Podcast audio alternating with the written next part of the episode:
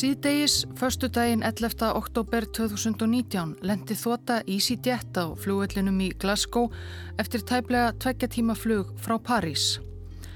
Vélinn var full setinn en það var sérstakur viðbúnaður á flugvellinum einmitt þessa stundina vegna eins tiltekins farþega um borð. Það var Karlum miðjanaldur sem, ekki löngu eftir að hann steig frá borði, var handjárnaður, leittur á brott af lauruglumönnum og ferður inn í lauruglubíl. Hann veitti ekki mikla mótspyrnu. Lauruglan í Fraklandi hafði farið fram á handtökuna eftir að farþegin vakti aðtikli við brottför á flugvellinum í París. Maðurinn var nefnilega eftirlýstur og ekki bara í Fraklandi heldur um heim allan. Þetta var maður sem lögregla hafi leitað að logandi ljósi í átta ár, maður sem grunaður var um svíverðilegan glæp sem hafi skekið Frakland. Hann var grunaður um að hafa myrt alla fjölskyldu sína.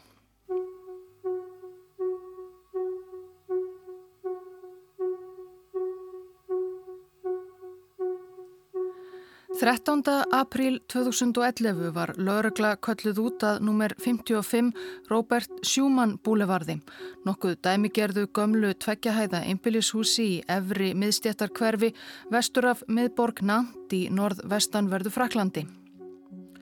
Íbúar í göttunni höfðu haft samband við lögreglu því þeir höfðu ekkert séð granna sína fjölskylduna í nummer 55 í einhverja daga og þótti það nokkuð undarlegt. Hleirarnir höfðu verið óhreyfðir fyrir glukkunum dögum saman og einn af bílum fjölskyldunar sem leiðis ekki hreyfst af stæðinu virtist vera.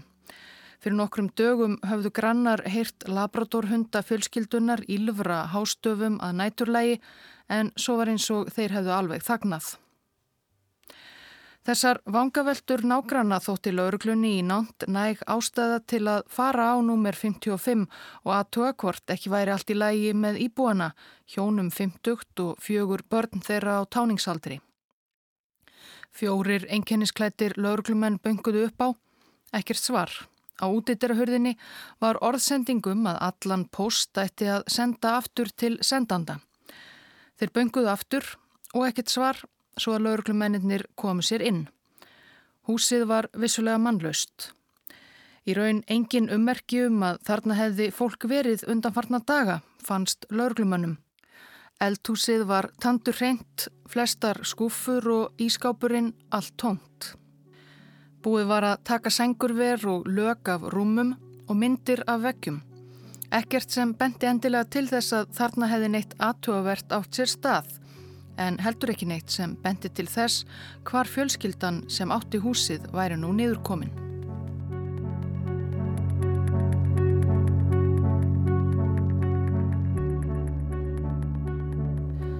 Skráður eigandi húsins og heimilis fadurinn hétt Xavier Dupont de Ligones og var 50-ur. Hann var fættur og uppalinn í Versölum, konungaborginni frægu og var eins og langt nafnið bendir eldtivill til af aðalsættum. Dupont Líkones slektið var ættað frá Annonei í suðaustanverðu Fraklandi. Innan raða þess voru herfóringjar og biskupar og einn frænka Xavier spjó enni kastala ættarinnar. Xavier ólst upp ekki langt frá sjálfri Versalahöll að mestu alin upp af móður sinni og ömmu þar sem fadir hans glömgósi stakka af þegar hann var tíu ára gamall. Xavier gekk í fínan engaskóla, hann leið engan skort en heimilislífið enkendist af umtalsverðum kathólskum trúarhita og íhaldsemi móður og ömmu.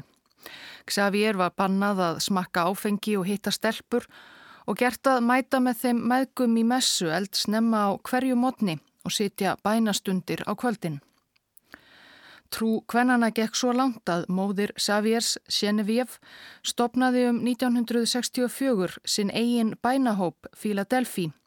Bænahóp sem með tímanum fór að líkjast meira og meira sértrúarsöfnuði þar sem orð Genevieve voru sem lög. Hún kvatti fylgjendur sína, sem voru nokkri töyir, til að hafna páfanum og sagðist sjálfi beinu sambandi við Marju Guðsmóður. Hún bóðaði meira að segja yfirvofandi heimsendi sem svo aldrei kom.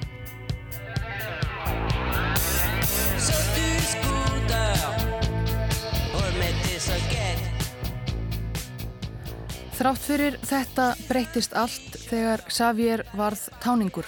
Hann gerði uppreist, fór að drekka og djamma og eldast við stelpur á Triumph Spitfire sportbíl sem fadirinn fjárverandi gá honum. Og hann kynntist Agnesi sem var einu ári yngri, lífsglöð og hláturmild, líka í fínum skóla og velstæðri fjölskyldu lögmanna og arkitekta. Þó hún væri ekki jafn vel ættuð og Xavier sem hún fjall killiflöt fyrir, dökkur og myndarlegur á sportbíl. Í nokkur ár voru þau Xavier og Agnes yfir sig ástfangin alltaf saman, svo korugt þeirra syndi náminu af neinu viti en svo flosnaði upp úr sambandinu þau heldu í ólíkar áttir. Xavier fór í herin eins og franskir piltar þurftu að afplána á þessum tíma. Agnes ákvaða að taka námið fastari tökum. 22 ára 1983 hætti Xavier í hernum hafandi ekki náð þar neinum sérstökum metorðum. Hann syndi ímsum störfum við svegarum Frakland næstu árin og ferðaðist svo lengi og mikið um bandaríkinn. Hann elskaði bandaríska tónlist, kvikmyndir og tísku, lærði meira að segja dansa línudans.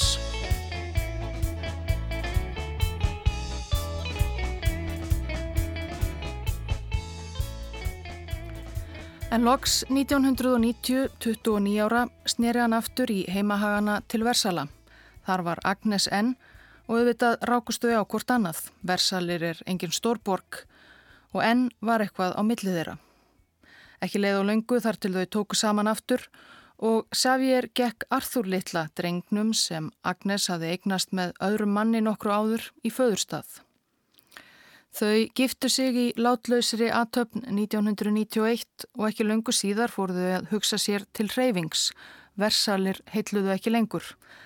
Næstu árin voru hjónin á flakki um Frakland, sífælt að flytja og fjölskyldan stækkaði. Tómas fættist 1992, Ann 1994, Benoit 1997. 2003 settist fjölskyldan að í Nant og legði þar af gamalli ekju lítið einbillishús við Robert Schumann Boulevard nr. 55.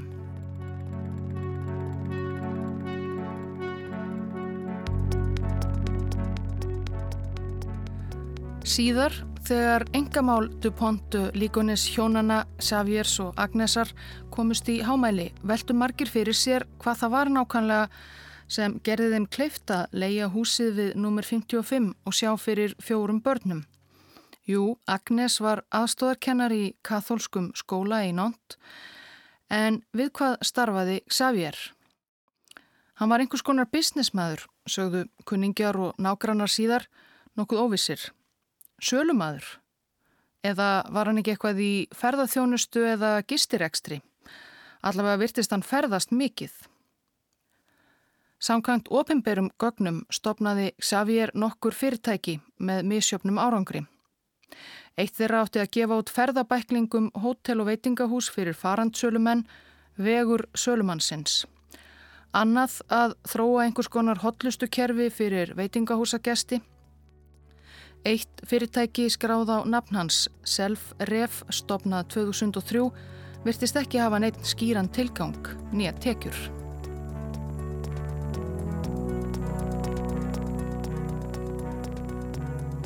En hvað um það? Augljóslega voru tekjurnar einhverjar því ekki bara á öðru en að sexmanna fjölskyldan DuPont Líkones lifði ágætu miðstjættarlífi í húsinu við Robert Schumann 55. Árið 2011 voru tveir eldstu drengirnir raunar svo gott sem fluttir að heiman. Artúr sá eldsti sem Agnes hafði eignast með öðrum manni var 21 árs.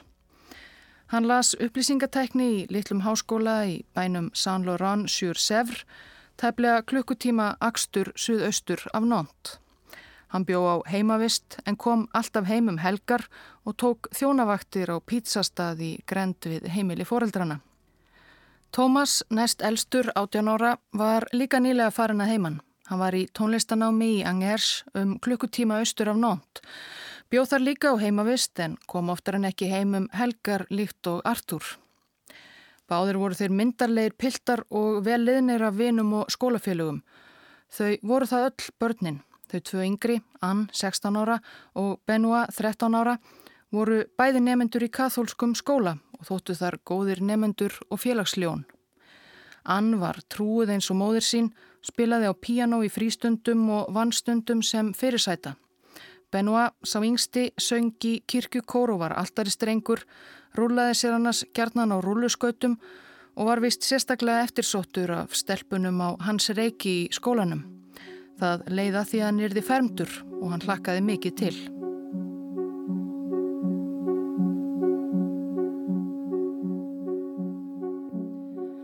Lörglumennir sem litu við á Robert Schumann 55 13. april 2011 fundu ekkert sem þeim þótti grunnsamlegt. En svo höfðu ættingjar Xavier Dupontu Ligones líka samband við laurugluna. Þau höfðu fengið bref frá honum sem var dagsett 11. april. Sælöll, rosalega óvænt. Við verðum að flytja strax til bandarækjana af sérstökum ástæðum sem ég ætla að útskýra hér að neðan. Ég sendi þetta bref upp á gamla mátan því næstu árin getum við ekki verið í sambandi með neinum öðrum leiðum. Engin tölvupostur, engin SMS, engin símtöl af öryggisástæðum. Þegar þið lesið þetta verðum við farin frá Fraklandi og getum ekki snúið aftur í enn óákveðin tíma, einhver ár. Þið ljótið að velta fyrir ykkur hvað sé í gangi. Hér er sagan, allavega það sem við megum segja ykkur. Þetta bref er það eina sem við megum skrifa og það verður búið að skoða það áður en að það verður sendt til ykkar. Brefið helt áfram og vekað enn einu framtaki Saviers. Hann hafði alltaf haldið í ameríska draumin.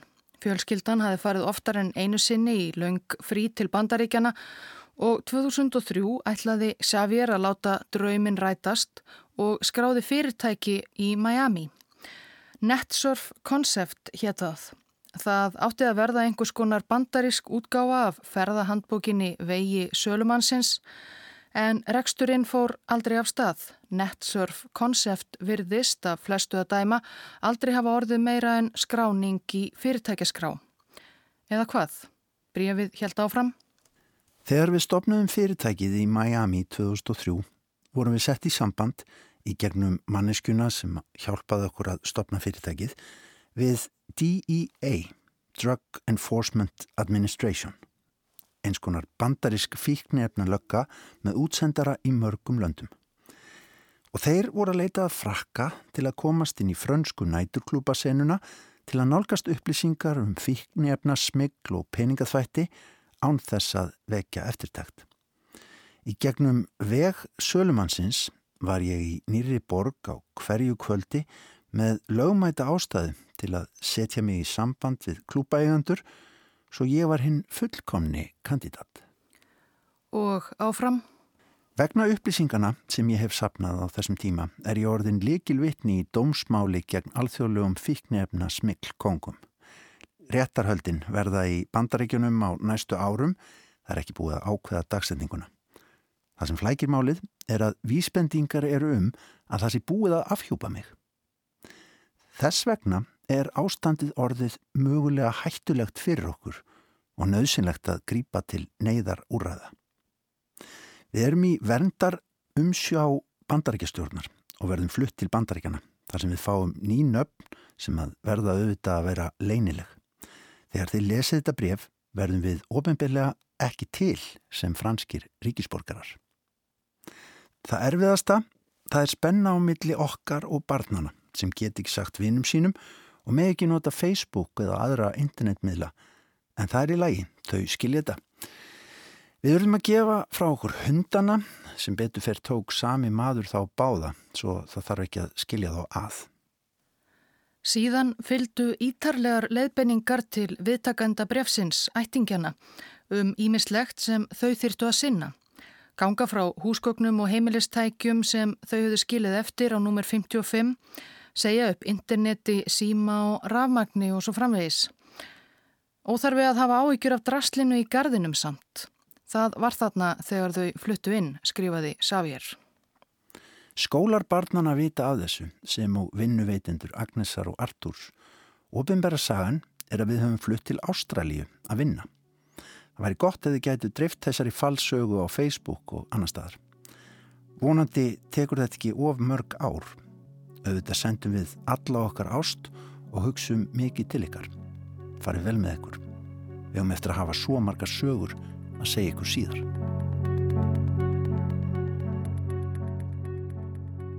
Þetta langa bref, þessar ítarlegu leiðbenningar um hvernig þetta segja upp rafmagninu og deila húsgögnum milli ættingja. Þessi förðulega saga sem á köplum virtist skrifuð í undarlega gamansömum tón.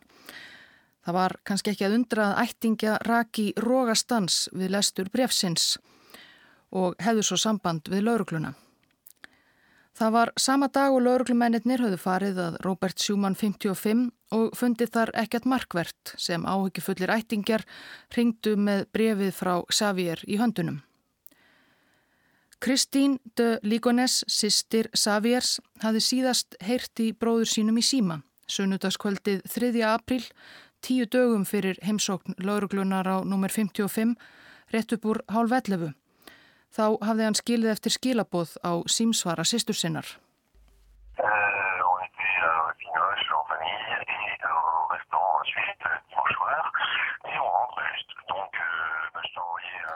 Þetta var stutt fréttaskeiti. Xavier sagði frá ánægilegum degi. Fjölskyldan hafi farið í bíó og borðað saman á veitingahúsi, næstum öll. Þau voru fimm af sex, hann og Agnes og þrjú af fjórum börnum. Benoit sá yngsti, Ann 16 ára og Artur elsti drengurinn. Tómas var ekki með, var enn á heimavistinni.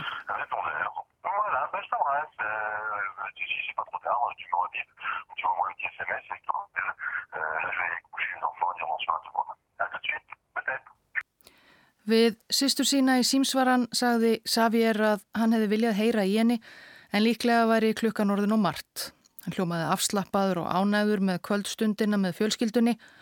Hann myndist á Másin, eiginmann sýsturinnar Bertram sem var nýkomin úr ferðalagi og lauk svo skilabóðunum. Jæja, ef það er ekki of seint, ringdu eða sendu mig skilabóð og ég ringi. Ég ætla að senda krakkana í rúmið, byggða að heilsa öllum, sjáumst fljótt, kannski.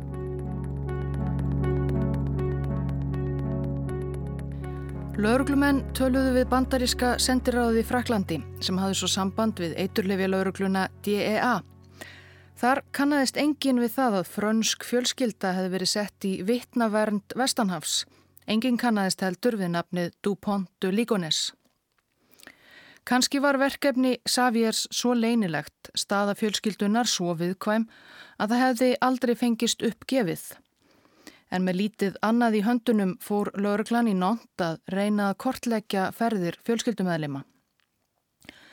Þau höfðu öll nema Tómas borðað saman og farið í bíósunnutaskvöldið 3. apríl.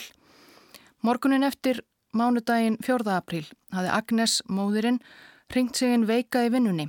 Eða öllu heldur eiginmaður hennar Xavier hafði ringt fyrir hana og sagt að hún væri ítla haldinn af magakveisu. Skóli yngstubatnana, Ann og Benoit, fekk líka símtal þannan morgunin að þau læju bæði veik. Vinum þeirra þótti strax undarlegt að þau svöruðu ekki SMS-um. Það var ekki líkt þeim. Og þau sískinin sáust ekki meira í skólanum. Nokkrum dögum síðar fekk stjórn skólans bref þar sem Xavier greindi frá því að fjölskyldan værið að flytja til Ástralíu. Börnin færu í nýjan skóla þar. Hann borgaði einhverða síður upp skólagjöld þeirra begja fyrir önnina.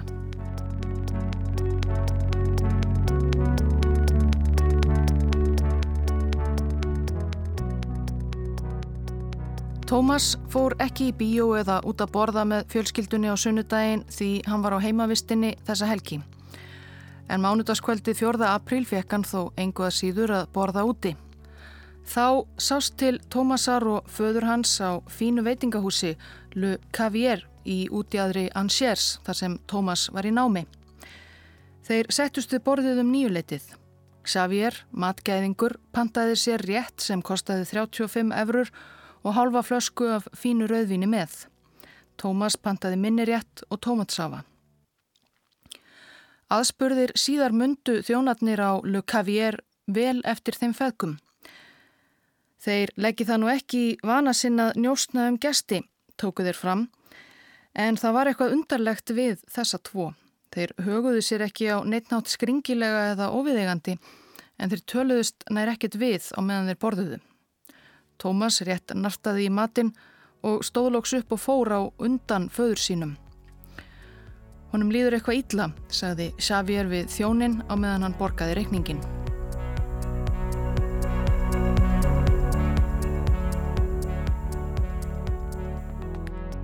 Hvaðað var sem amaði að Tómas á veitingahúsinu varði það ekki lengi. Hann fór aftur á heimavistina og daginn eftir, þriðju daginn 5. april, hjekk hann með félaga sínum uppi á herbergi. Þeir glömruðu á hljóðfæri og spiluðu tölvuleiki. Tómas var alveg eins og hann átti að sér að vera, saði félagin síðar, brosti og grínaðist. Svo um sjöleitiða kvöldi ringdi símin. Það var pappi hans sem saði að Agnes, móður hans, hefði lendi í hjólaslisi Hann yrði að koma heim. Tómas tók lestina til nánt síðar um kvöldið. Hann sást svo aldrei aftur. Vinnurinn reyndar heyrði aðeins frá honum. Hann fekk SMS daginn eftir þar sem Tómas saðist vera orðin veikur. Hann kæmi ekki aftur í skólan strax. Svo annað skeiti þar sem hann saðist vera orðin enn veikari. Og loks skrifaði hann að batterið í símanum hans væri að verða búið Pappi hans væri að leita að hlæðslutæki.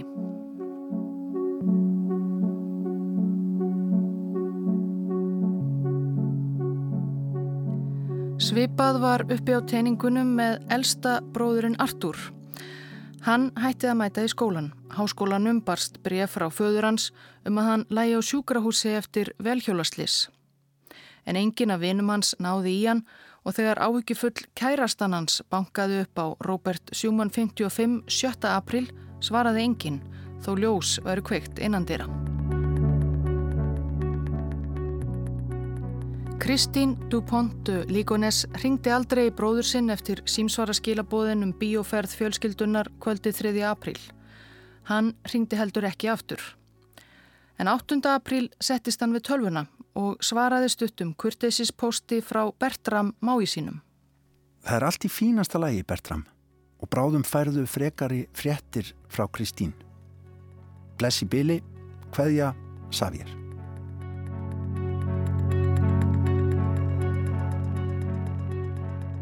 ...21. apríl 2011 ákvað lögregla að leita aftur á heimili fjölskyldunar DuPont Líkones Það hafði ekkert spurst til þeirra Saviers, Agnesar, Artúrs, Tómasar, Ann eða Benoa frá því að lögregla leitaði fyrst á heimilinu áttadögum áður. Og þarna var ímislegt komið fram sem gaf ástæðu til þess að fara aftur í húsið og leita betur en þá hafi verið gert. Allar þessar misvísandi upplýsingar sem fram voru komnar um fjölskylduna Hvort hafði Agnes fengið magakveisu eða lendi í slisi? Voru þau öll veik eða á leið til Ástralju eða Bandaríkjana? Aukin heldur hafði lauruglu tekist að rekja ferðir Saviers dagana eftir að fjölskylda hans virðist hafa horfið og var þar nokkuð sem gaf tilefni til að hafa áhyggjur. Síðdegis 9. april hafði hann farið í herbergi Artúrs sonarsins í háskólanum og tekið til, pakkað niður öllum eigumanns og flutt burt í bláum Citroen fjölskyldunar.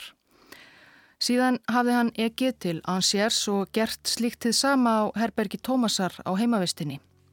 Nágranni Tómasar rakst á hann burðast með kassa á ganginum, Xavier kýmdi og sagði hvað gerir maður ekki fyrir börnin sín?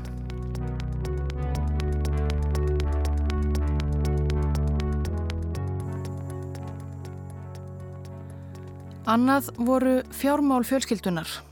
Ættingar þeirra vinir og nágrannar höfðu oft velt fyrir sér nákvæmlega hvað það væri sem Xavier hefði að atvinnu. En eins og við höfum heyrt þá átti hann fjölda fyrirtækja og ferðaðist reglulega og fjölskyldan bjó ágætlega, svo eitthvað var það. Við eftirgrenslan lauruglu kom í ljós að meint fyrirtæki Xaviers höfðu ekki verið virk árum saman ef þau höfðu þá einhver tíman verið meira en nöfn á bladi og fæst nokkuð tíman gert annað en að skila tapi. Undanfærin ár hafði Xavier raunar verið skráður atvinnulegs hjá hennu opimbera. Tekjur fjölskyldunar síðasta árið 2010 voru um 5.000 eurur en árslegan á húsinu nr. 55 við Robert Schumann Boulevard var 18.000 eurur. Svo ekki næði það. Til að komast af virtist vera að Xavier hafi fengið peninga láni frá vinum og ættingum og fengið sér fjölmörg kreditkort með mismunandi nöfnum. Í stuttumáli gert sig stór skuldugan.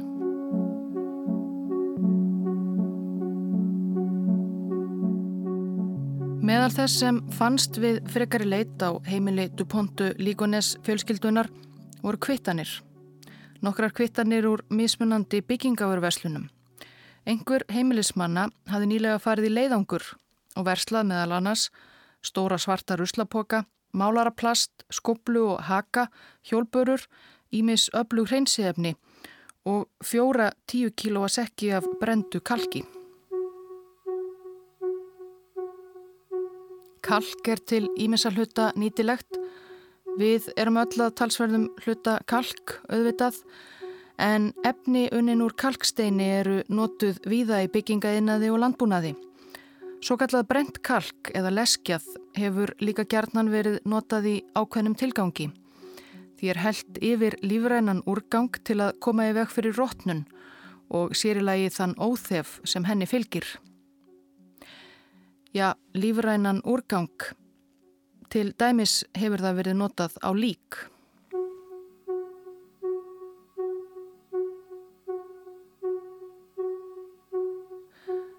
Ítarlegum fyrirmælum Saviers til ættingi á vina í langa brefinu um að hann væri að fara í vitnavernd ráðstafaði hann svo að segja hverjum einasta hlut sem eftir var á heimilinu við Robert Schumann 55. En hann tók líka fram að þau, ættingjarnir og vinirnir þyrstu engar áhyggjur að hafa af gardinum. Húsinu fylgdi bakgarður sem var í órækt og lítil upphækkuð verund.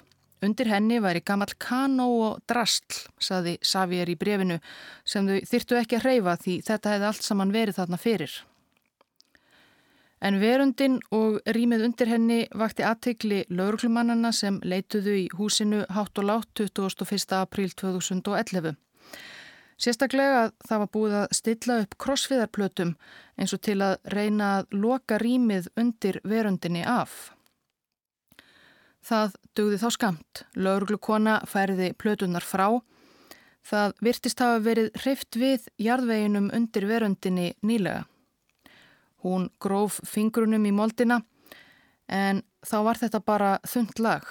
Undir moldinni var sement sem hafði ekki náða þorna almennilega og molnaði við snertingu. Og undir sementinu hún gróf höndunum dýbra og dýbra þar til hún kom niður á eitthvað annað, kallt en mjúkt viðkomu. Það var fótlegur á manni.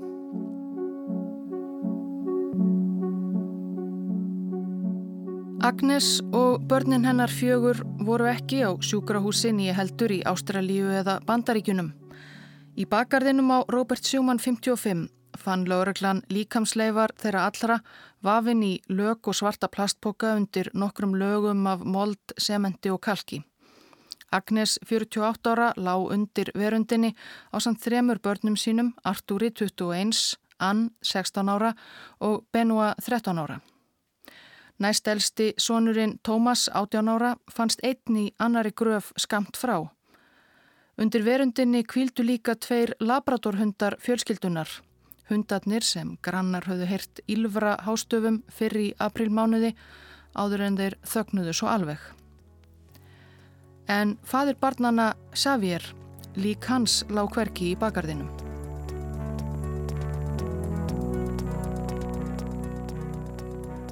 Þau hafðu öll verið skotinn tvísvar í höfuðið með rifli af litlu færi.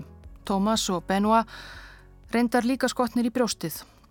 Ekkert bendi til þess að þau höfðu reynd að bera hönd fyrir höfuð sér í raun tekin af lífi. Líklega verið sofandi. Þau voru öll klætt í náttfött og svepplif fundust í líkumum barnana. Hver sá sem bjóð þau til greftrunar hafði svo verið trúaður, virtist vera, því öll voru þau lögð til hinstu kvílu með einhver kristinn tákn, rósettur og krossa.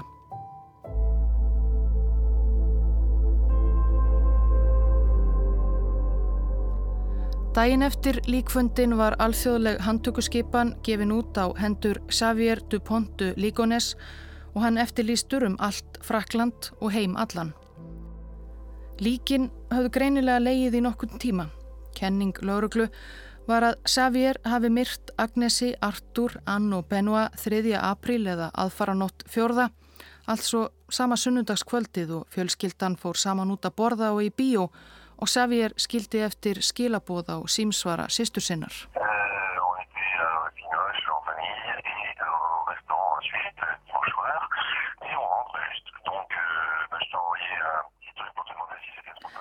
Hann hafði grafið líkin og svo kallað Tómas heim úr skólanum í Angers og myrtan kvöldið 5. apríl.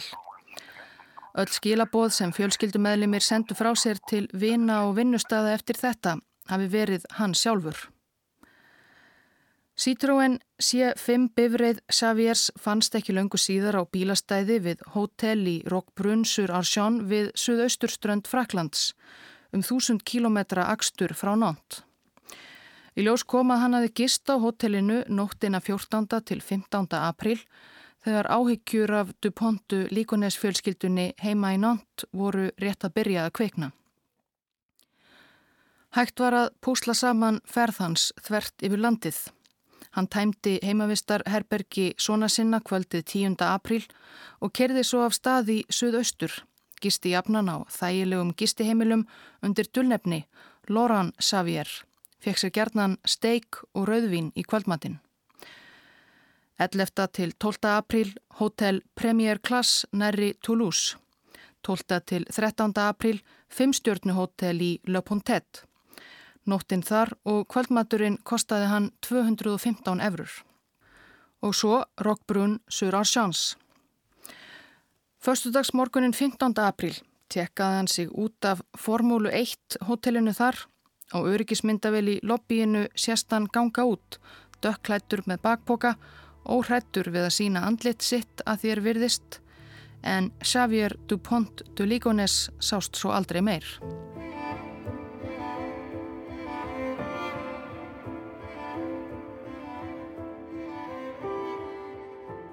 Ímislegt kom fram við eftirgrenstan lauruglu.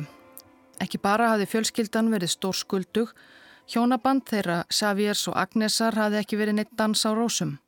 Nokkrum árum áður hafði Agnes átt í sambandi við vin eiginmannsins og Xavier sömuleiðis endur nýja kynnin við gamla kærustúr mentaskóla. Hún var einn þeirra sem hafði lánað honum peninga. Og samskipti þeirra í tölvuposti dró upp dökka mynd af hugarástandi Xaviers. Hann skrifaði henni um að hann værið að nýðurlótum kominn og best væri ef öll fjölskyldan myndi bara brenna inni. Áhuga samir netverjar, málið vakti gríðarmikla aðtikli í Fraklandi, komust líka því að Xavier hafði undir ímsum nöfnum verið virkur á spjallborði á netinu um kathólsk málefni. Getur einhver skýrt fyrir mér í alvöru af hverju við erum alltaf að tala um fórnir í trúabröðum, sérstaklega kathólsku? Ég er ekki að tala um fórn í meiningunni að svifta sig einhverju sjálf viljur, heldur fórnargjöf til Guðs. Hvers vegna þarf Guð, eða vill, láta færa sér dauða dýrs, barns eða manns, svona síns. Takk fyrir öll svör. Á spjallborðinu hafði hann raunar vond orð á sér fyrir að vera þrætukjarn og hafði ítrekkað verið bannaður en kom alltaf aftur. Það rann nokkuð upp fyrir mér varðandi þetta tal um trúna. Ég var sannur katholiki í 35 ár án þess að hafa nokkuð tíman verið trúaður. Svo það er varðla hægt að segja að ég hafi mist trúna. Ég hafði hann aldrei.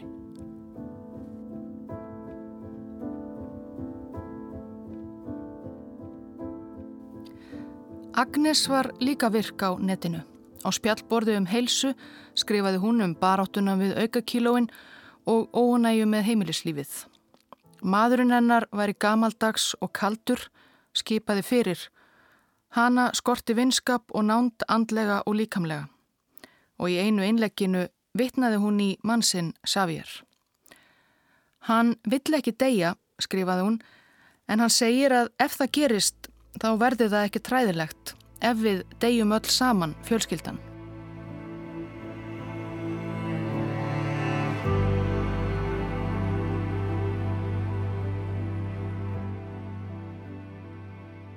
Hvað varð um Xavier? Einn möguleiki sem ítrekkað hefur verið velt upp er að hann hafi leitað skjóls í klaustri, trúaður maðurinn.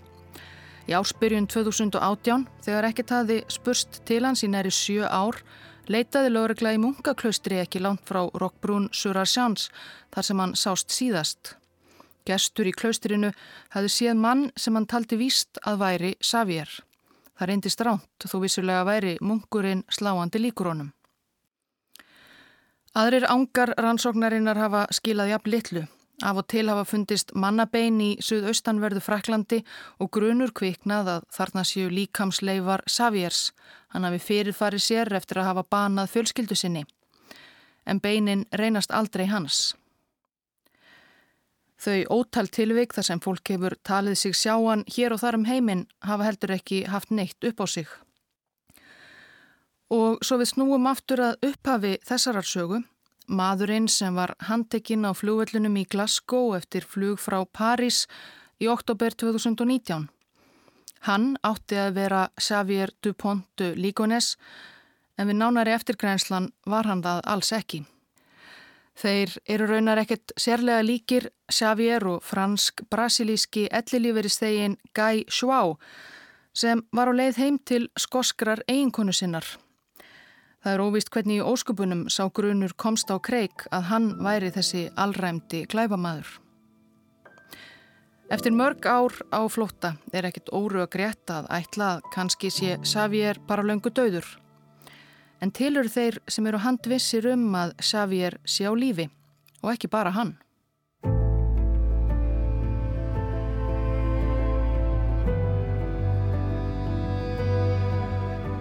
Það var gengið hratt til verka eftir að líkamsleifar Agnesar, Artúrs, Tómasar, Ann og Benoa fundust undir verundinni á Robert Schumann Boulevard 55.